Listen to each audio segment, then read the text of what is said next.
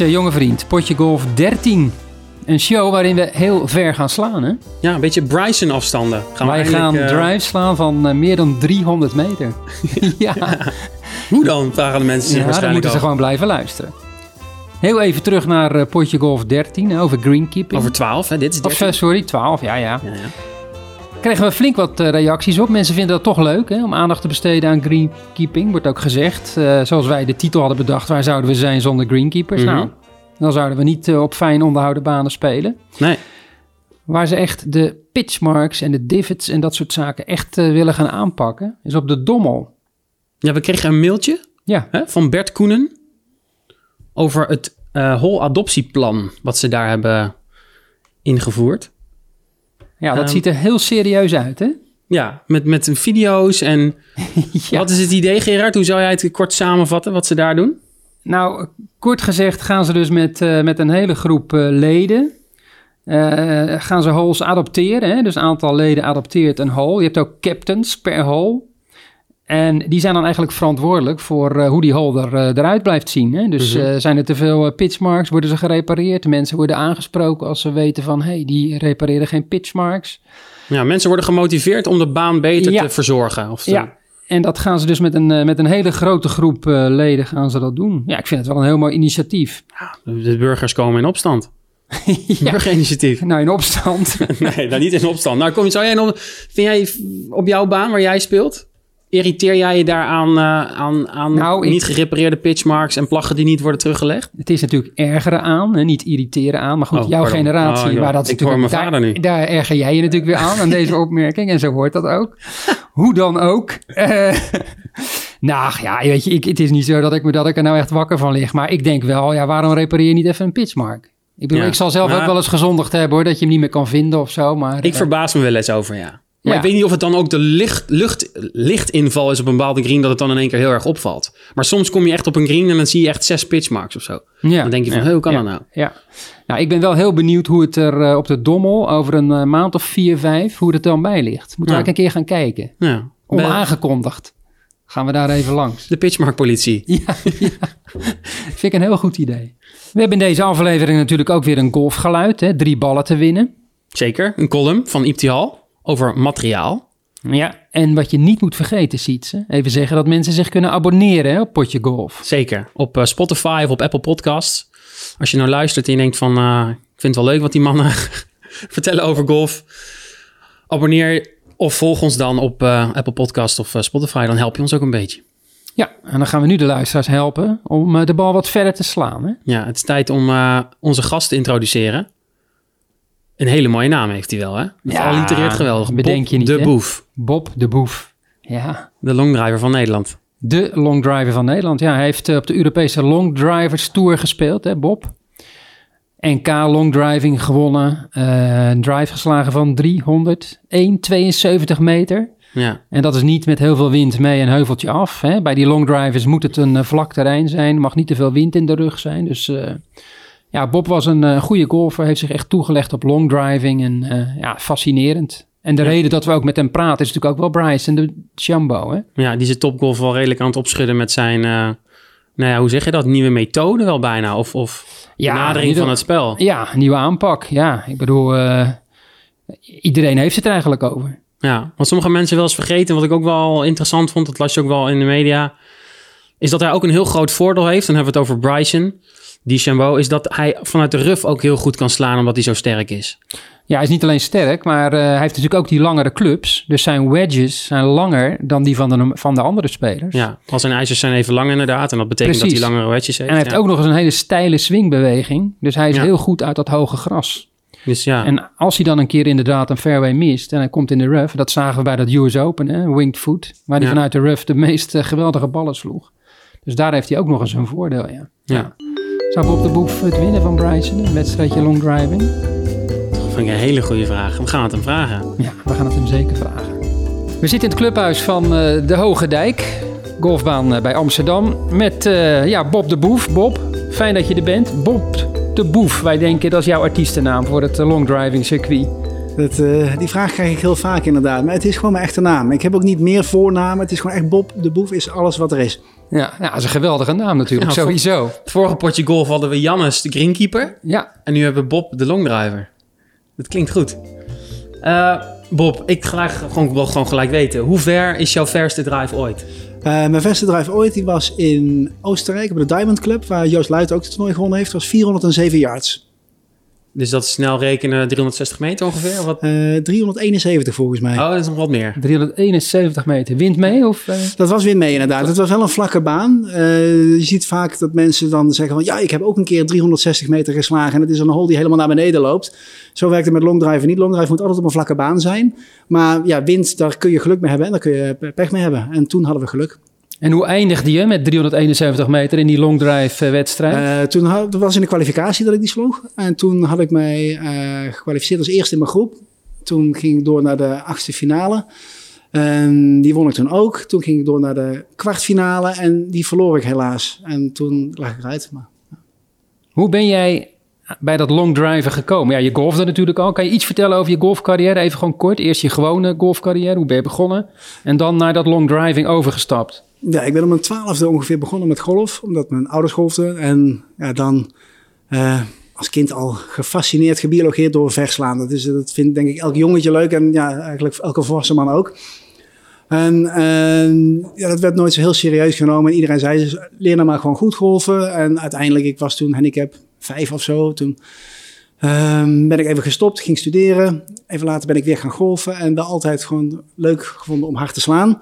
Ik Sloeg je toen ook al ver dan? Sloeg je Ik al heel altijd- snel heel ver? ik heb altijd wel ver geslagen. En Ja. ik ben op mijn twintigste begonnen met fitness, waardoor ik ook een stuk sterker werd. En daar merkte ik ook dat mijn swingsnelheid echt gewoon omhoog ging. En ja, je bent heel jong, je bent nog steeds flexibel en, en, en je wordt steeds sterker. Dus ik ging wel steeds harder slaan. En ik had zelf niet in de gaten hoe dus zich dat nou verhou- eh, in, in verhouding zette tot andere golfers. Ik eh, kreeg al vaak te horen van, jeetje, ja, dat slaat wel heel ver. En ik dacht, ja, dat zal dan wel. Tot ik op een bepaald moment als amateur op een meedeed aan een longdrive toernooi. En toen eh, heb ik absoluut niet gewonnen. Want ik zag inderdaad, ik werd aan alle kanten voorbij geslagen. Maar ik was ook niet laatst. En er waren andere pro's die zagen mij ook. En die zagen dat ik met gewoon amateurmateriaal meedeed. Een gewoon normale driver en geen longdriver en zo.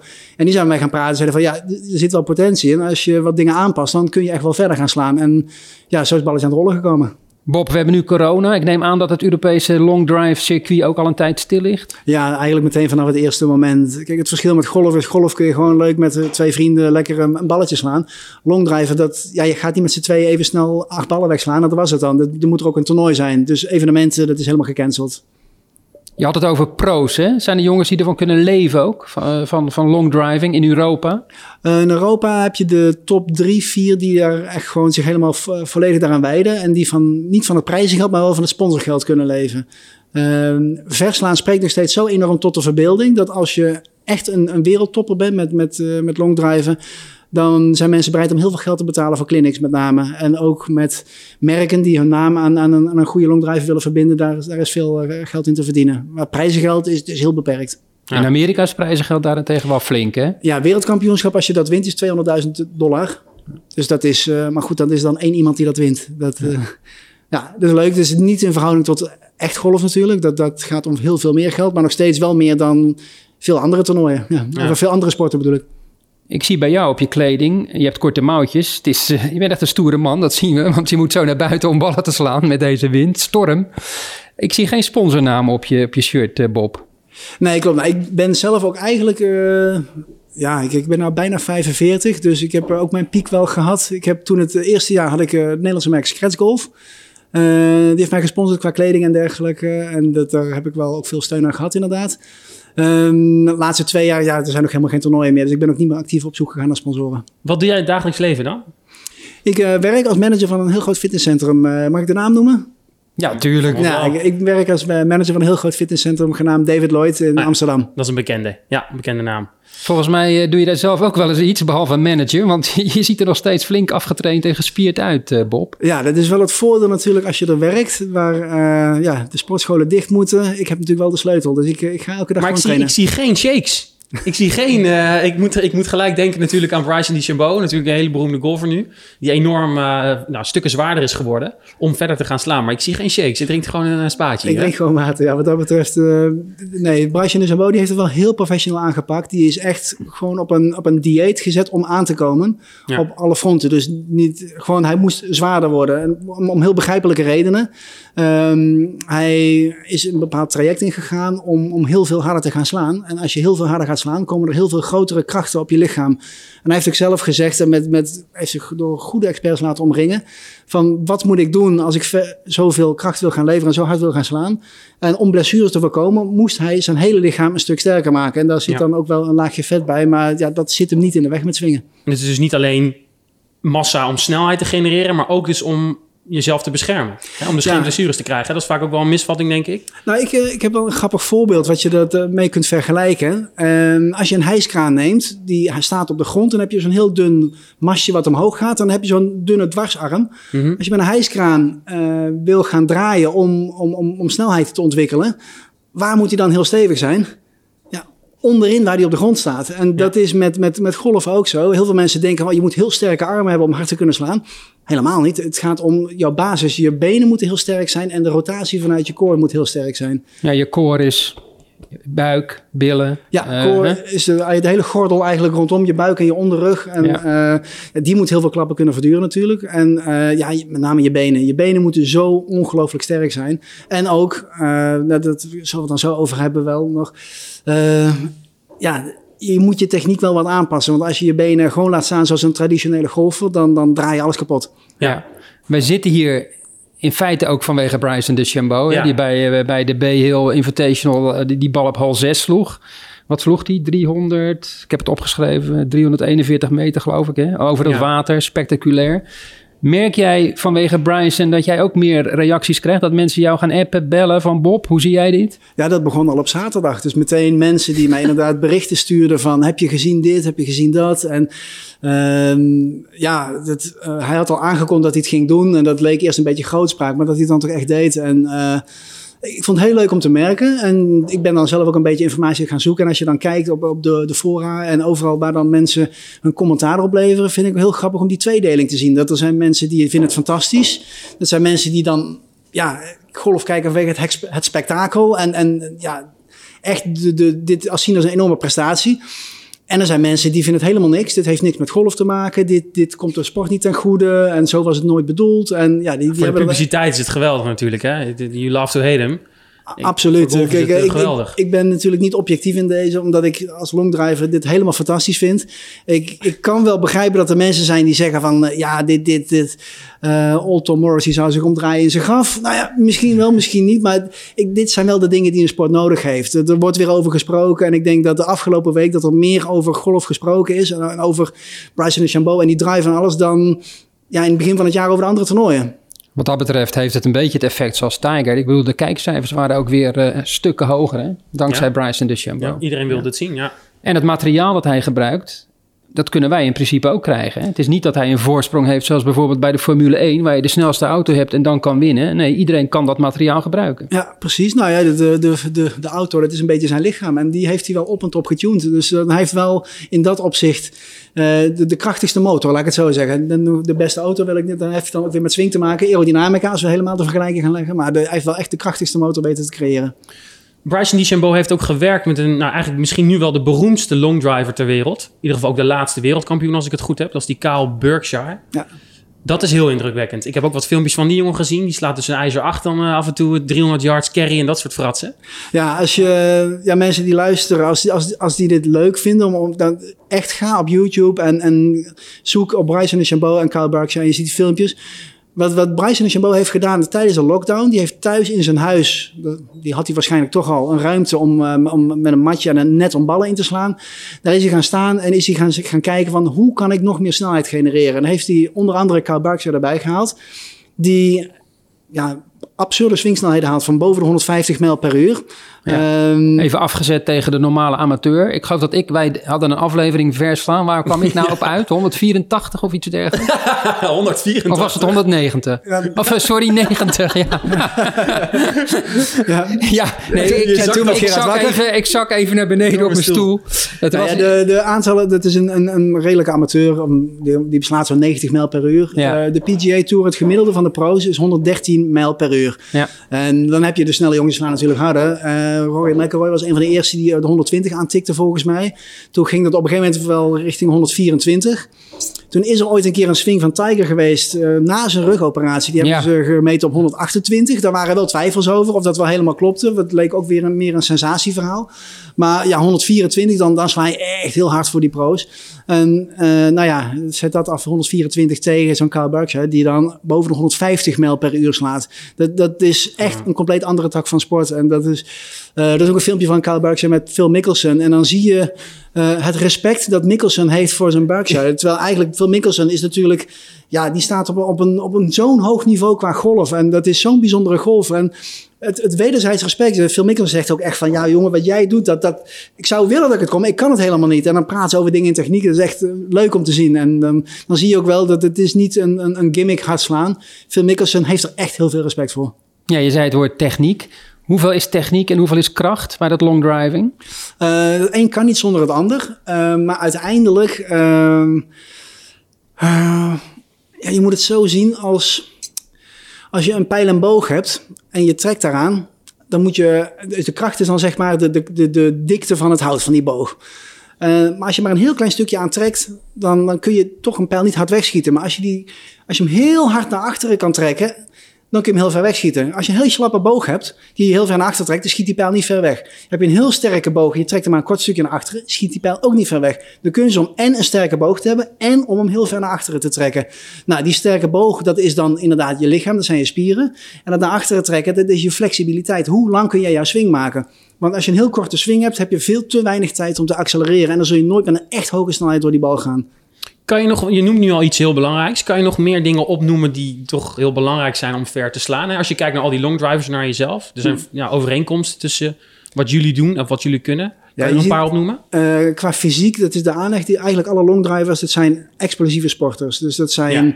mensen die kunnen ook eh, ja, eh, goed speerwerpen of verspringen of dat soort sporten die explosief zijn. Dat zijn no- niet noodzakelijkerwijs de beste marathonlopers bijvoorbeeld. Nee. Dat is weer een heel ander type lichaamsbouw. Ehm, ik zei al, beenspieren is heel erg belangrijk en dan met name explosiviteit. Als een longdriver ehm, zijn spieren wil trainen en die gaat met heel veel gewicht heel langzaam herhalingen maken, squatten bijvoorbeeld voor zijn beenspieren, dan gaat hij heel dikke benen krijgen, maar dat zijn dan weer niet de functionele spieren die je voor longdrive wil gebruiken. Ehm, bij longdrive wil je explosieve sprintspieren, zeg maar. Eh, grappig om te vermelden is dat een paar eh, topsporters, Koen Smet en Liam van der Schaaf, zullen jullie niet kennen misschien, maar Nee. eh, Koen Smet heeft afgelopen weekend op de Europese kampioenschappen indoor horde de zevende plek behaald in Europa. Dat doe je toch wel aardig mee. Ehm, als ik die jongens zie trainen, die pakken ongelooflijk veel gewicht en die doen dan drie herhalingen, maar snel en met een partij kracht. Ja, ja. Puur om die explosiviteit te krijgen. En dat is wat je als longdriver eh, of als golfer ook moet trainen om meer snelheid te krijgen. ja. Dus veel kracht in die, in die core en die benen. Ja. Jij zei ook al een lange backswing. Want Ja. jullie gaan ver voorbij parallel hè? Ja. in de top. Ja, klopt. Als je, en dat is ook wel leuk als je dan kijkt naar de swing van eh Bryson DeChambeau. Ehm, ik heb hier een aantal plaatjes voor me liggen. Daar hebben de luisteraars niet zoveel aan. Misschien dat jullie dat in het artikel erbij kunnen plaatsen. Maar eh, eigenlijk de vuistregel was altijd, en bij kinderen werd het ook aangeleerd, in de top van de backswing moet de club ongeveer horizontaal zijn en dan zit je goed. En als je te ver gaat, dat heet een overswing, verlies je controle en dat komt de swing niet ten goede. Nou ja, ehm, ik denk inderdaad dat dat vroeger zo was. En vroeger had je nog een persimmon houten kop. Dat als je hem iets Ja. uit het midden raakte, dan was je bal ook echt heel slecht. Eh, inmiddels is het materiaal zo verbeterd dat je ook met een off-center hit eh, ja, nog steeds een goede bal slaat. Je verliest wel afstand, maar eh, hij vliegt niet meer helemaal out of bounds. En die ontwikkeling heeft ervoor gezorgd dat je eigenlijk ja, wat meer risico kan nemen bij je swing. Dus je kunt een wat langere backswing gaan maken, wat meer snelheid proberen te genereren. En als je dan kijkt naar de foto's van Bryson Bow bij de bewuste drive die hij dat sloeg de eerste keer op hole 6, zie je dat hij in de top ruim voorbij horizontaal is. Nou, vroeger dan werd dat verketterd van ja joh, je verliest al je controle, dit, dit is geen goed golf. Nu zie je dat hij haalt hier zijn voordeel uit. Ehm, Ja, ik, ik heb een paar plaatjes ernaast. Ik heb eentje van mezelf gezet ehm, ja, om, om grappig te vergelijken. Dan zie je, maar dat is tijdens een long drive dat ik nog ietsje verder zie, zit. Maar dan zie je Kyle Berkshire, die echt nog heel veel verder doordraait. Ja, die, die kop eh, die raakt bijna de grond zo'n Ja, beetje. hè, Als zie je ja. in de top van zijn bek zien Ja, zitten. voor de, voor de mensen die dat willen zien, die moeten even naar golf.nl slash podcast gaan. Even tussendoor zeg ik dat. Dan weten de mensen waar ze Ja. naartoe moeten. Maar ga door. Ja, Ehm, en dan zie je dat ze zo- zo'n lange aanloop krijgen en daardoor veel snelheid kunnen ontwikkelen. Ehm, wat je verder nog ziet in die swing, en dat is echt, dat heeft Bryson DeChambeau heel slim gedaan. Eh, afgekeken van de longdrivers, want bij gewone golfers zie je dat niet. Een gewone golfer die swingt door de bal heen en die roteert zijn lichaam en zijn linkervoet blijft staan. En zijn rechterhak komt los van de grond. Dat is de conventionele swing. Heel veel longdrivers zie je. ehm, je had eh, Andreas Persson, een wat oudere longdriver die nog echt goed kon golven. Die schopte zijn voet bijna los op het moment van raken. Want anders, omdat hij zo hard draait, zou hij zijn linkerknie kapot draaien. Daar had hij al een blessure aan gehad. Eh, ook hier weer het plaatje. Carl Berkshire, die staat hier op de foto. Op het moment van raken, je ziet dat de bal er nog is. En dan is zijn linkervoet al los van de grond. Dus die springt omhoog tijdens het slaan. Puur als, als hij zou blijven staan en hij zou zo hard met zijn lichaam draaien, dan zou hij zijn linkerknie echt kapot draaien.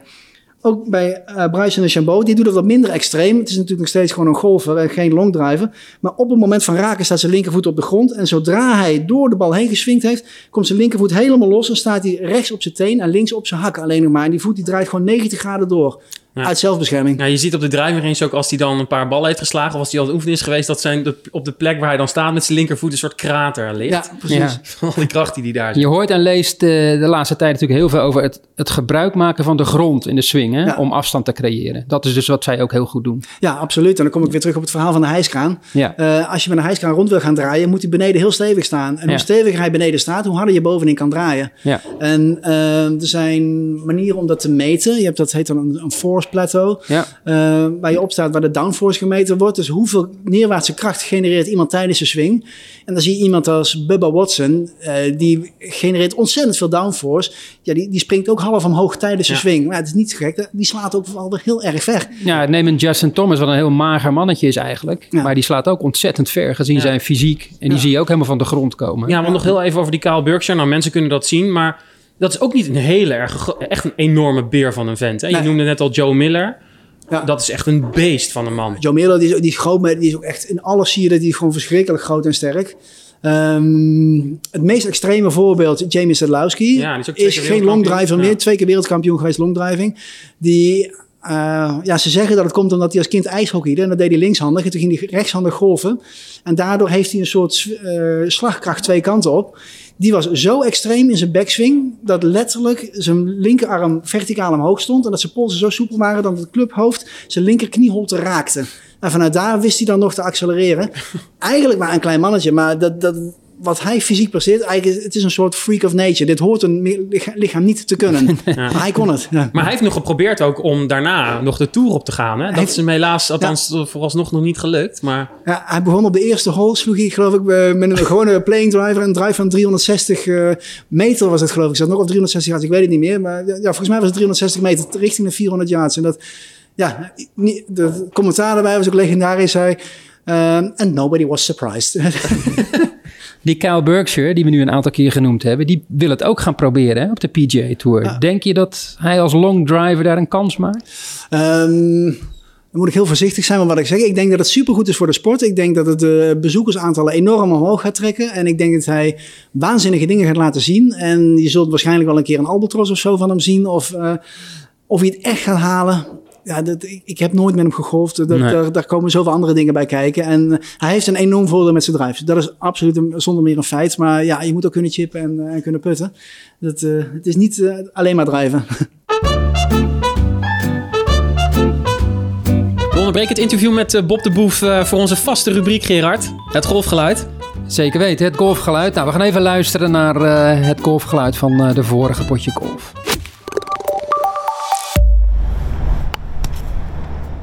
Ja, voor heel veel mensen was dit dus heel herkenbaar. Best wel veel mailtjes gekregen. Ja, De bal tegen de boom. juist. Ja.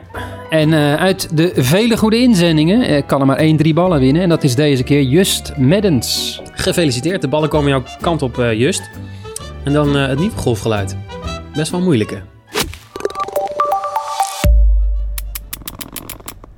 Poeh, te moeilijk denk ik. Ja? Jij onderschat onze luisteraars denk ik een beetje. Ja, ja, ik weet het niet. Ja, ik weet wat het is omdat het op het lijstje staat hier, maar anders zou ik het denk ik niet raden. Maar goed, ik heb ook niet... Oh nee, ik mag geen hint geven van jou. Hè, Nee, we keer. gaan gewoon eerst nog een keer luisteren. Ja, ik denk dat er wel mensen zijn in Nederland, golfers zijn in Nederland, die dit geluid herkennen. Oké, nou als er meer dan tien goede inzendingen binnenkomen, dan doe ik er zelf nog een doosje ballen bij. En dan pakken we twee winnaars dit keer. Oké. Dat vind ik een goed idee. Inzendingen kunnen naar potje.golf.nl, ons e-mailadres potje.golf.nl. En dan gaan we nu snel weer terug eh, naar Bob de Boef. En we vroegen hem hoe ver er nou eigenlijk wordt geslagen in die long drive kampioenschappen. Helemaal onder neutrale omstandigheden. 400 wordt eigenlijk wel gehaald. En als het dan weer mee is, dan gaat het wel richting 450 yards wat er Zoiets heb ik ook gelezen inderdaad. Ja, En nog de- even, dat is ook nog wel even leuk om uit te leggen. Hoe werkt zo'n wedstrijd? Hoeveel ballen sla je? Ik geloof dat het op, op, op het wereldkampioenschap zijn het er acht of zo. Of... Ja, er zijn verschillende formats. Eh, vaak heb je een kwalificatie, dan sta je met een aantal mannen tegelijk ballen te slaan. Mhm. Eh, voor de mensen die er echt helemaal niks van af weten, het, eh, denk niet aan golf, maar denk meer aan, aan bowling. Wat je ziet, je allemaal mannen op een rij, harde muziek erbij, dus een DJ die staat te draaien. En je krijgt allemaal binnen een tijdslimiet, en vaak is dat drie minuten. Als het drie minuten is, is het meestal acht ballen. Dat is een beetje de, de, de vuistregel. En die moet je wegslaan. En alle ballen hebben een nummer. En ze gaan dan kijken van alle geslagen ballen. Of, of een eigen kleur. Of in ieder geval ze kunnen identificeren wie welke bal geslagen heeft. Dan gaan ze kijken wat jouw verste bal is. En dat telt ook alleen jouw verste bal. Dus van die acht ballen mag je er zeven out of bounds slaan. En als er maar eentje binnen is, en die moet dan ja, Ja, je, zegt, worden. je zegt binnen, en dan hebben, volgens mij hebben ze het dan over de grid of zo. Ja, Hoe breed is die dan? Hoe, Ja. hoe scheef mag je slaan, om maar even zo te zeggen? dat is nog heel grappig om te vermelden. Want eh dan pak ik toch even Bryson de Chambeau erbij. Mhm. Die heeft waarschijnlijk niet op de green gemikt. Want als je echt op de green mikt en je mist hem een klein beetje links, dan is je bal weg. Dus dan, dan Ja. en zeker hij was goed aan het spelen, dat risico ga je niet lopen. Eh, maar een long driver, die moet hem binnen een grid slaan van 50 yards breed. Dus als je hem op het midden mikt, mag je 25 yards naar rechts en 25 yards naar links. Dus het is in totaal 22,5 meter links, 22,5 Hmm. Dus meter rechts ongeveer. heel erg veel. Nou, dat is, toch, dat is voor een fairway natuurlijk best breed, hè? Ja, maar 50 Voor fairway yards. best breed, maar als je op een gegeven moment 350 meter verslaat, dan is het... Wordt je afwijking ook groter Ja, natuurlijk. dus hoe verder je slaat, hoe ja, groter de afwijking. Daar komt Ja. wel weer bij, ja, als je hem goed raakt, is hij meestal ook wel recht. Maar ja, je hebt dan dus wel wedstrijden inderdaad. Dat zie je gewoon, dat iemand in een, een hele set alles out of bounds slaat. En eh, ja, als het dan matchplay is die je tegen elkaar moet slaan, ja, dan kan iemand met een lullig afstandje winnen, omdat de, de rest heeft alles erbuiten geslagen. En een lullig afstandje, kijk, onder de 300 yards stelt sowieso niet. Dus het is, eh, het is niet dat je een ijzer 9 kan slaan en denkt van, nou, ik win hem even. Tenzij je hem 300 yards slaat natuurlijk. Ja. Ik keek nog even, 450 yards is eh, 412 meter. Dus dat zijn toch Oh, wel man. eh, absurde wel afstanden. waar wij van dromen, hè? Gerard. Ja, een goede paar vier, hè? ja. Even naar het materiaal, eh, Bob. Jullie gebruiken speciale drivers of eh, kan je daar iets over vertellen? Ja, en eh, vroeger, dat klinkt, klinkt echt heel oud, dat is echt voor mijn tijd ook nog. Toen eh, waren er geen limieten voor long driving. En toen sloegen ze met, met drivers van 60 inch. En toen kwamen ze erachter dat het werd eigenlijk een soort eh, casino meer. Eh, ja, met de kans dat je hem goed raakt is zo klein. En iedereen gaat daar slaan. Ja, er zit altijd wel iemand bij die hem goed raakt. En die wint dan het toernooi. Ja. Dus de, de, 60 inch shaft, hè, Ja. bedoel je? Ja, elke sport die professioneel wordt, moet een soort standaarden invoeren. hè? En, Ja, het wordt een en gemiddeld een driver ziet ze ja, als equipment guru. Ja, nou, 4, tegenwoordig dat wordt ook 45 steeds inch. meer 45 inch, ja. Ja. Soms ook wel drivers van 46 al, maar... Ja, dat vind ik ook grappig. Daar kom ik zo op terug nog. Maar even over het materiaal. Eh, dus enerzijds was het, het, het, het longdriving niet meer zo leuk, want de factor geluk werd veel te groot. Anderzijds werd er neergekeken op longdriving, omdat iedereen zei van ja, kunst met zo'n driver, dan kan ik het ook. en toen heeft longdriving op een gegeven moment gezegd, oké jongens, als wij, als wij als sport serieus genomen willen worden, weet je wat wij doen? Wij gaan ons helemaal conformeren aan de USGA rules. Dus alle drivers die wij gebruiken zijn gewoon de drivers die ook met gewoon golf gebruikt mogen worden. Ze gaan dan wel de limieten opzoeken. Dus de maximale shaftlengte bij longdrive is, eh, en bij gewoon golf ook is 48 inch. Ja. Dus eigenlijk alle longdrivers slaan met een 48 inch shaft. Nou, als je dat dan gaat vergelijken met de PGA Tour, wat jij net al zei van ja, 43, 44, 45 inch. ehm, zijn veel pro's die inderdaad met 43,5 inch spelen aan lengte. En dan weten ze ook wel van ja, als ik meer, als ik een langere shaft pak, kan ik harder slaan. Maar dan eh, verlies ik weer mijn accuratesse. En uiteindelijk is voor die jongens toch echt belangrijk dat ze veel, veel zelfvertrouwen hebben. Eh Bryson DeChambeau heeft 45,5 inch, 45,75 geloof ik. Die zit tegen de 46 inch aan. Eh, die zoekt dan wel redelijk die grens op. Hij zou tot 48 kunnen gaan, maar hij heeft toch besloten om dan ietsje korter te gaan. Ja. Eh, om het niet helemaal eh, ja, te gek te maken, want hij wil ook nog wel zijn controle houden. Eh Fowler 43,5 inch, die, die Ja, kiezen bewust korter. Inderdaad, die Ja. voor controle gaat, ja. Als je dan kijkt naar de amateurs, en dat vind ik echt een heel grappig verhaal. En eh, als ik dan iets over kan brengen aan de, aan de luisteraars, Ja. dan zou dit het moeten zijn. Opletten mensen. Ja, eh, merken vinden het ontzettend belangrijk dat er ver geslagen wordt met hun driver. Dat is een stukje prestige en het is, elke man zal het herkennen. Ik, ik denk dat het voor vrouwen net zo werkt, of misschien wat minder, maar voor mannen zeker. Ehm, dus wat een amateur doet, la- laat ik gewoon even een amateur met handicap 15 nemen, die komt in een golfwinkel en die wil een driver aan laten meten. Die gaat op een trackman staan en die krijgt een aantal shafts in zijn hand. Als hij er dan een shaft krijgt van 43 inch, waarmee hij eigenlijk prima ballen slaat, maar ja, die gaan laten we zeggen 200 meter. En vervolgens krijgt hij een driver van 45 inch, die is 2 inch langer. Nou, en daarmee slaat hij veel minder rechte ballen. Maar ja, die ene die die goed raakt, die was wel 210 meter. Ja. ja. dan is toch die neiging heel groot om te kiezen voor die driver van 210 Die koop meter. ik hoor, ziet Die koop Ja. ik, ja. Nee, en zo werkt het. En het grappige is dat amateurs over het algemeen niet de juiste lengte shaft kopen. Die kiezen echt voor ja, die ene wereldbal die ze dan goed raken op die trackman. En ja, de, de leveranciers spelen er heel handig op in. Die Ja. leveren alle drivers standaard met een 45 inch shaft. Ja, en nu zelfs al meer, hè? 45, drie kwart. Nu al om Ja. maar te kunnen zeggen, elk jaar, deze driver is weer zoveel yards langer dan het vorige model. Nou, goede tip, eh, Bob. Ja, Ja. Iets echt. over de stijfheid van shafts. was ook altijd zo'n ding. Ja, eh, stijfheid is ontzettend belangrijk. Eigenlijk eh, sowieso, het gaat eigenlijk met het driven bijna alleen maar om de shaft. Ik weet dat heel veel mensen zich blind staren van... oh, ik heb de nieuwe TaylorMade Callaway, Cobra, welke kop ze ook weer hebben. Daar zit natuurlijk wel eh, qua vergevingsgezindheid wat verschil in... maar qua afstand niet, want ze zoeken allemaal die grens op... van de smash factor 1,52, de, de maximale smash factor die je mag hebben. Smash Eh, factor is, Sorry, dat... eh, dus ball speed gedeeld door clubhead speed, hè? ja, ballspeed gedeeld door clubhead speed. Ja. En op het moment dat het verschil te groot wordt, dat een, een bal te hard van het clubhoofd afkomt, dan wordt dat het bekende trampoline-effect genoemd. Dan mag dat niet. En het is echt niet zo dat er nu één driverkop is die substantieel verder slaat, of eigenlijk überhaupt verder slaat dan de andere. Want iedereen zoekt die grens op, dus ze zitten allemaal op die maximale smash factor. Ja. Daar zit het verschil niet in. Dus die kop, het is optisch heel belangrijk. Het gewicht van de kop scheelt wat, aerodynamica scheelt wat, maar qua, eh, qua kracht en stuiterkracht op het eh, clubblad helemaal niks. Maar de shaft maakt al het verschil. En de shaft, eh, ja, je hebt hem van regular tot firm, je hebt stiff, extra stiff. Ehm, hangt van je swingsnelheid af, maar ook daarmee ga proberen op het trackman en probeer zoveel mogelijk verschillende shafts. Ja, maar En- hebben jullie als long drivers extra, extra, extra, extra stiff? Ja, klopt. Wij- en dan heb je het weer over die swing speed. Eh, Ja. Hoe hoger je swing speed, hoe stijver de shaft die je moet hebben. Ehm dan zal Bryson de Chambeau inmiddels waarschijnlijk met een dubbel X spelen, vermoed ik. Extra extra stiff of een extra stiff. Eh long drivers die gaan naar drie keer X, dus extra extra extra stiff. En Maurice Allen, die heb ik zelfs met een, een 4X zien slaan. Ik mocht er één keer een bal mee slaan en ik sla toch best wel hard tegen een bal. Maar ook daarbij voelde ik van, ja, ik krijg, niet, ik krijg hier eigenlijk geen sweep uit. Dus dat is, dat, ik ga er gewoon minder ver mee slaan. Maar hij, hij kreeg hem dan nog wel gebogen. En de bal? Wat voor bal gebruiken jullie meestal? Wat voor type bal? Ehm, goed dat je dat zegt ook. Ehm, bij een longdrive wedstrijd moet iedereen verplicht met dezelfde bal slaan. Dus daar wordt geen verschil in gemaakt.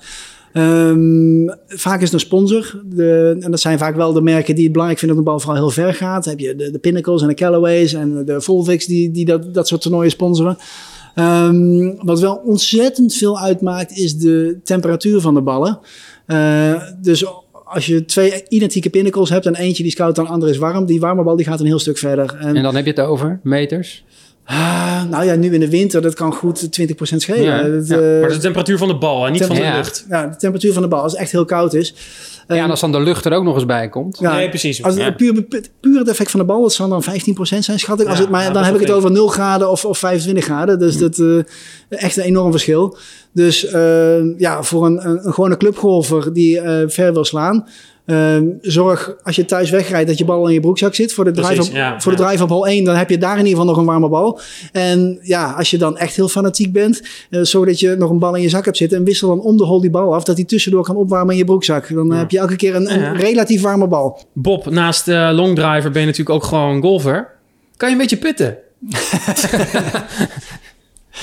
Ehm, Wat is, wat is, dat, kijk, dat verslaan, dat kan jij dus blijkbaar goed. Dat is een wapen voor jouw spel. Maar kan je ook putten?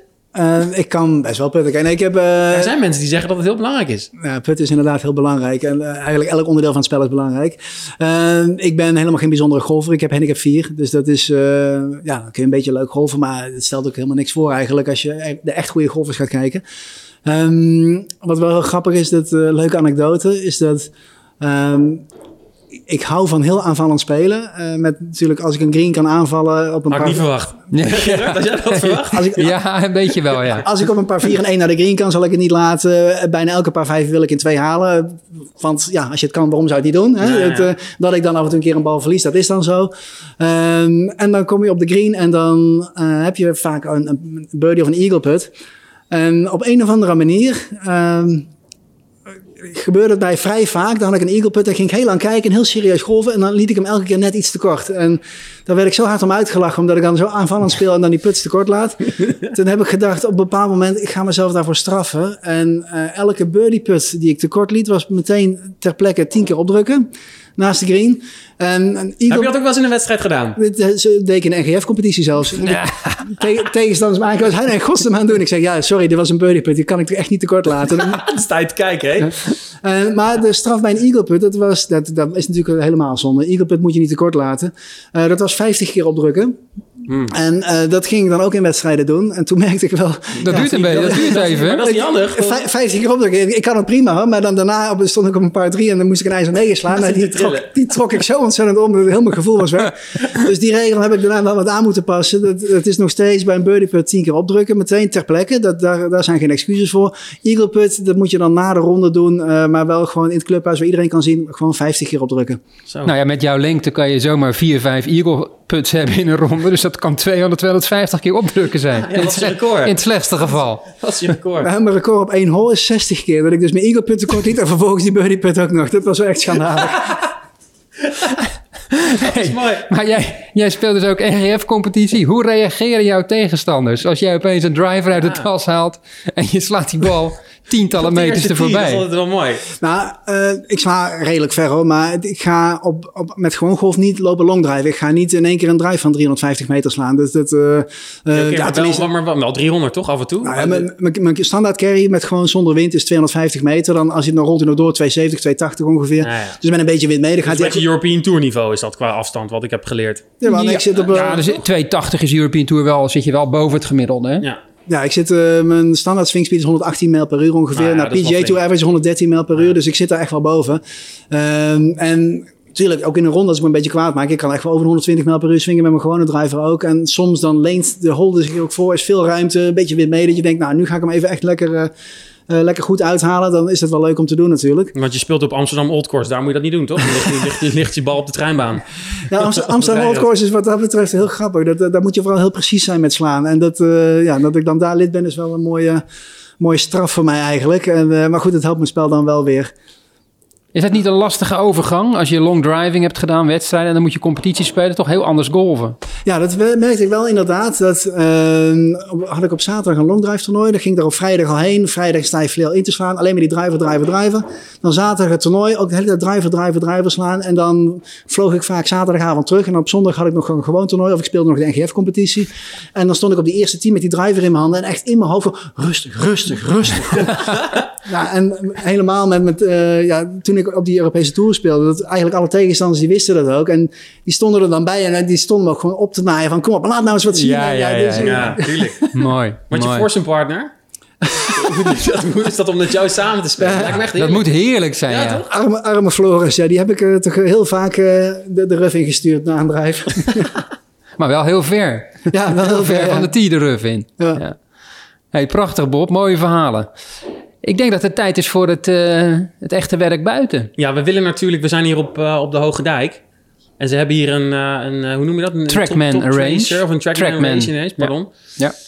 Dus dan kunnen we zien hoe ver jij slaat. Alleen we hebben de dag... Ja, een goede dag uitgekozen. Misschien is- horen mensen af en toe een tik. Dat is namelijk Evert. Dat is de storm die momenteel hier uh, rond het clubhuis raast. En ik geloof dat we wind tegen hebben, Bob. Hij staat echt pal tegen op de range. Dus 110 km per uur wind tegen. Ja, dan uh, mag ik mijn drive gaan slaan. Hoe doe Dus- jij je warming-up trouwens? Ja, dat gaan we zo zien. Voor golf of voor longdriving? Ja, voor longdriving? Wat, wat, het- want wij kunnen natuurlijk... Jij kan nu niet zometeen uit het niets... eh, Nee, voor longdriven is echt wel een uitgebreide warming-up. Waarbij je eh, eerst gewoon begint met wat chips, wat ballen slaan. En dan eh, ja, wat lange ijzers even slaan. Dan een paar gewone drives. En dan eh, ja, met die longdriver niet meteen gaan slaan. Eerst echt uitgebreid rekken. Het moet echt goed warm zijn, want je probeert het maximale uit je lichaam te halen. En eh, ja, maximale rek en maximale kracht. En als je dat koud zou gaan doen, ja, dan, dan scheur je gewoon een spier. Dat, eh, dat ja, gaat heel snel. om blessures. Ja, Ja. dus dat is ehm, ja, zeker een half uur warming-up wat je doet. Met, eh, en, en dat is dan puur het fysieke gedeelte. En dan ga je dus met die longdriver ballen slaan. Nou, dan gaan wij even een, warme chocolademelk drinken, ziet. En dan kan Bob aan de warming-up beginnen. En dan Bob, windkracht 9 à 10 tegen. We gaan kijken hoe ver je gaat komen. Nou, we zijn buiten op die eh, prachtige range van eh, de Hoge Dijk. 50 afslagplaatsen met de Trackman. Echt ontzettend leuk. Het schijnt hier ook heel druk te zijn. Ideale omstandigheden hebben we niet, Bob. Heel veel wind. Storm tegen. Maar je hebt er al één over de 300 meter. 303 meter tot op heden. Ja, dat, eh, daar moeten we wel even overheen. Die 320 moeten we wel kunnen halen. Even wat, wat harder gaan slaan. Dit zijn de lastigste omstandigheden denkbaar zo'n beetje. Ja, dit is, eh, kijk, de wind is natuurlijk, die beïnvloedt eh, niet alleen het traject van de bal, maar ook je, je slag zelf. De luchtweerstand is eigenlijk hetgene wat je remt in je swing. En als je dan wind tegen hebt, dan is dat nog extra natuurlijk. Oké, dus niet alleen de bal die geremd wordt, maar ook je swing wordt geremd door de wind, hè? Ja, en je Ja. balans is minder. Ja. Je hebt wel je goede tees meegenomen, zag ik. Hele hoge tees. Klopt. Ehm, dat is ook een stukje innovatie in de sport. Dat is begonnen met Rory McIlroy. Die tierde die bal heel hoog op en die sloeg in een, echt in een opwaartse beweging die bal weg. Waardoor hij veel hoger sloeg dan zijn tegenstanders. Maar eh, nou ja, sinds de trackman kun je dan zien dat het eigenlijk een optimaal eh, traject is voor de bal. Ehm, dat zijn ze helemaal gaan, verder gaan uitontwikkelen. En op een gegeven moment hebben ze ook gezegd bij de PGA Tour Pro's. De tees mogen niet langer zijn dan een bepaalde lengte. 4 inch geloof ik of zo. Ik weet niet wat het precies is. Maar eh, om te voorkomen dat uh, golfers steeds meer als honkballers gingen slaan. Nou, bij longdriving geldt die limiet niet. Dus dan pak je wel die extra hoogte om echt in een opwaartse beweging die bal weg te hengsten. We hebben natuurlijk harde wind tegen en je slaat met driving range ballen. Maar het mooie van dat trackman systeem hier is dat toch de echte afstand wordt weergegeven. Hè? Er wordt rekening mee gehouden. Er wordt eigenlijk berekend. Ja, dus daar zit een, uh, zit een factor in die er rekening mee houdt dat je dus de driving bal minder hard gaat dan een gewone bal. En ook de wind tegen probeert hij eruit te filteren. Dus uh, het is niet in mijn voordeel wat ik nou zeg. Hè? nou ja, ik zou zeggen, laten we eens even gaan. maar niet alles komt erop, hè? Bob, we hebben al 303 meter, maar jij zegt, wanneer ben je tevreden voor vandaag? Ik, 320 ben ik tevreden. Nou, daar gaan we voor. Okay. 320 Bob. Flinke klap, uh, Gerard. Dit is wel indrukwekkend hoor, ja, wat die Het geluid doet. is alleen al indrukwekkend, hè? Open Nederlandse kampioenschappen werd ook de afstand gemeten op een trackman. En daar was mijn beste volgens mij 367 yards. Dus dan kom je op ja, toch wel 330 meter ruim. Uh, in de finale won ik met volgens mij 354 yards. Dus dat die 320, dat moet gewoon lukken. Ja, gaat zeker lukken. Dit zijn wel mooie ballen, Gerard. Die zijn, ja, die zijn gewoon keurig op de fairway. Dat is op zich al knap, hè, met deze snelheid. Ja. Boom. Bob zegt dat deze wat beter was. We gaan even kijken. Nog eentje 303 meter. Dus, uh, maar Bob zegt ik blijf ze iets te veel op de hiel raken. Dus het is wachten nu op een op de sweet spot. Prachtige bal. Die heeft een kans. We gaan even kijken op het scherm wat Trackman zegt. 308. We hebben een nieuw record. Je ziet ook dat Bob dan een beetje gaat springen. Hè? Hij werd ook een beetje boos, hè? Werd hij boos? Hij ging zich boos maken, ja, ja. Oké. Okay. Ah, hij begint te grommen.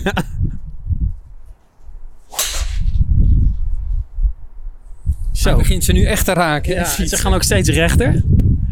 En verder. 315. Oh, Kijk eens aan. Bob, kom even hier. Kom even hier. Je hebt zojuist een bal geslagen van 315 meter. Je gaat ze steeds beter raken. Hè? Je probeert jezelf ook een beetje op te, op te, op te pompen. Ik zei al 320 moet eraan komen. Dus ik uh, blijf even in de flow. Ga even door. Uh. Hij heeft geen tijd om te kletsen. Hij is gewoon bezig, natuurlijk.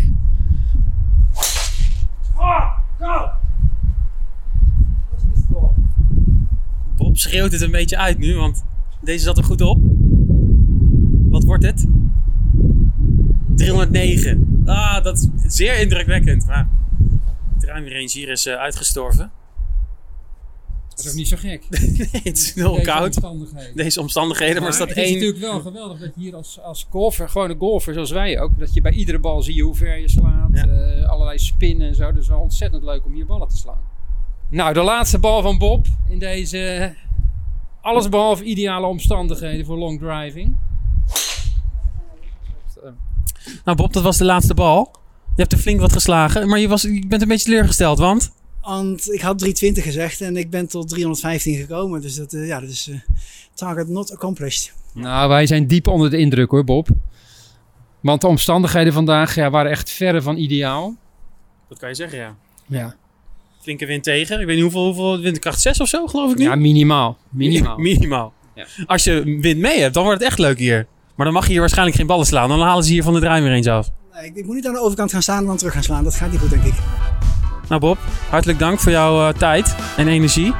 Smaakt het nou weer naar meer trouwens? Want je hebt het een tijdje niet gedaan. Dan denk je nu van, ah, dit is toch wel heel lekker. Ben je nu helemaal opgepompt of zo? Eh, Wat moet je iets met je energie doen nu? Ja, je omschrijft het heel goed inderdaad. Ik zei hier op die range weer eh, lekker vol door te trekken. En, ja, ik kan niet wachten tot er weer toernooien komen. Zo ziet ze. Geen last meer van eh, Evert. De storm. waren we wel even klaar mee. hey, dit was mooi hè, om naar te kijken. Ja, dit was wel indrukwekkend, ja. Die Bob de Boef kan wel echt eh goede drives, goede verre drives slaan. Ja, 3.15 kwam die eh, dit keer. Er zullen mensen zijn, denk ik, op clubs die het idee hebben... ja, onze clubkampioen die komt ook ver hoor. Die Ja, komt echt in de buurt. Heb je Karel gezien op eh, die par 4 van 400 meter? Dat een wedge naar binnen. ja, dat ga je wel krijgen, denk ik, ja. Nou, als er nou mensen zijn die echt denken verder te slaan dan, dan Bob... dan horen wij dat graag. ja. Potje.golf.nl, ons e-mailadres. Ja, maar Bob... Hey, Bob Ja, sorry. Bob was toch echt de winnaar van het NK, hè? Dus, eh, Ja, ja, precies. Ja. Kijk, zomaar een keer een verder drive slaan in de zomer op een harde fairway. dat doen Zou wij jij ook wel eens tegen... Nou, ik niet, maar zou jij ook wel eens tegen de 300 zijn gekomen of niet? Het is wel eens voorgekomen, maar dan zit Ja. alles mee, hè? Ja. Rol, wind mee, eh, nou, Precies. dat werk. Ja, Wat hebben we verder nog geleerd? Dat ik heb vooral geleerd ook langere shaft. Nee, wat was het nou? Nou ja, dat een langere shaft voor veel amateurs eigenlijk nadelig Oh ja, is. dat is het. Hij heeft natuurlijk een langere shaft, maar voor de meeste amateurs is een kortere, kortere shaft juist goed. Ja, En hij zegt wel heel duidelijk een langere swing, hè? Want Langere backswing. meer tijd. ja langere backswing. Dat is heel belangrijk. Is ook wel logisch. Ja. Ja. Je ziet wel, net een John Rahm of een Tony Finau, hè, bekende spelers, die hebben een hele korte backswing. Het kan wel, dan ver slaan. Ja, maar in principe moet je lange backswing, hoge armen, dat helpt wel. Ja. Tijd voor de column, eh, Gerard. Ibtial. ja, hoe ver slaat Ipti al? Ze heeft wel nieuw materiaal, hè? dus u weet, komt ze een heel eind. Je hoeft niet lang in de golfwereld mee te lopen om te weten dat er veel inkopen moeten worden gedaan voordat die bal lekker gaat rollen. Het begon met een pijnlijke plek op mijn handpalm.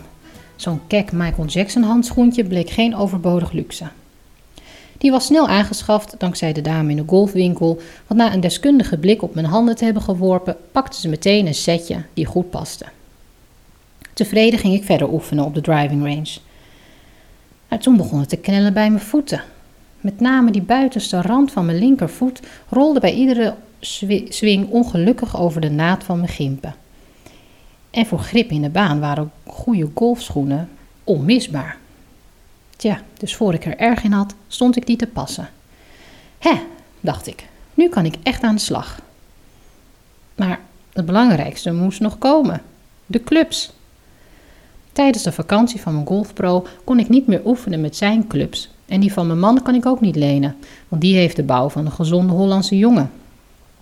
U moet weten, mijn moeder heeft er vroeger alles aan gedaan om mij aan het eten te krijgen, maar het schoot niet erg op.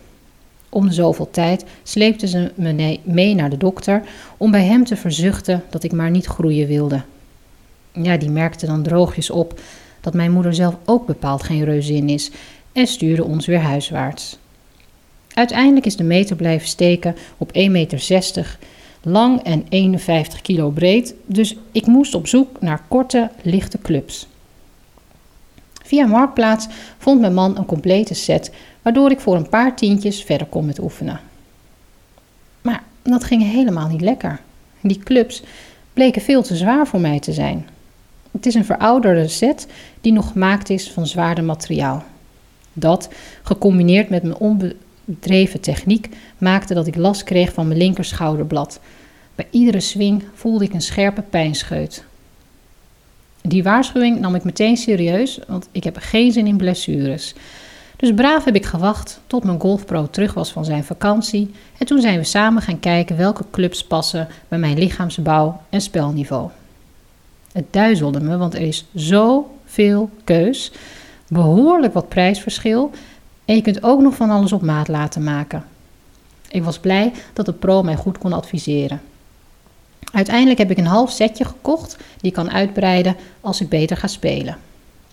En nu loop ik als een kind zo blij met mijn tas de baan in.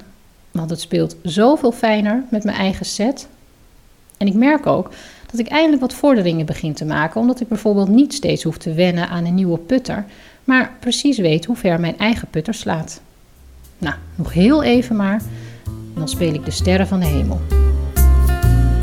Nou, IPL heeft een uh, gefitte set. Dat is heel belangrijk, ziet Dat Jij weet belangrijk. alles van equipment. Je hebt je al heel lang niet meer laten fitten, hè? Te lang. Maar dat gaat binnenkort wel gebeuren. Nou, dat gaan we natuurlijk een eh, aflevering aan wijden. Dat wordt een, eh, een Bryson-achtig eh, setje voor mij. Ja, Niet te veel verklappen. niet te veel verklappen. Nee, dat is iets voor een volgende aflevering van Potje Golf. Tot de volgende. Tot de volgende.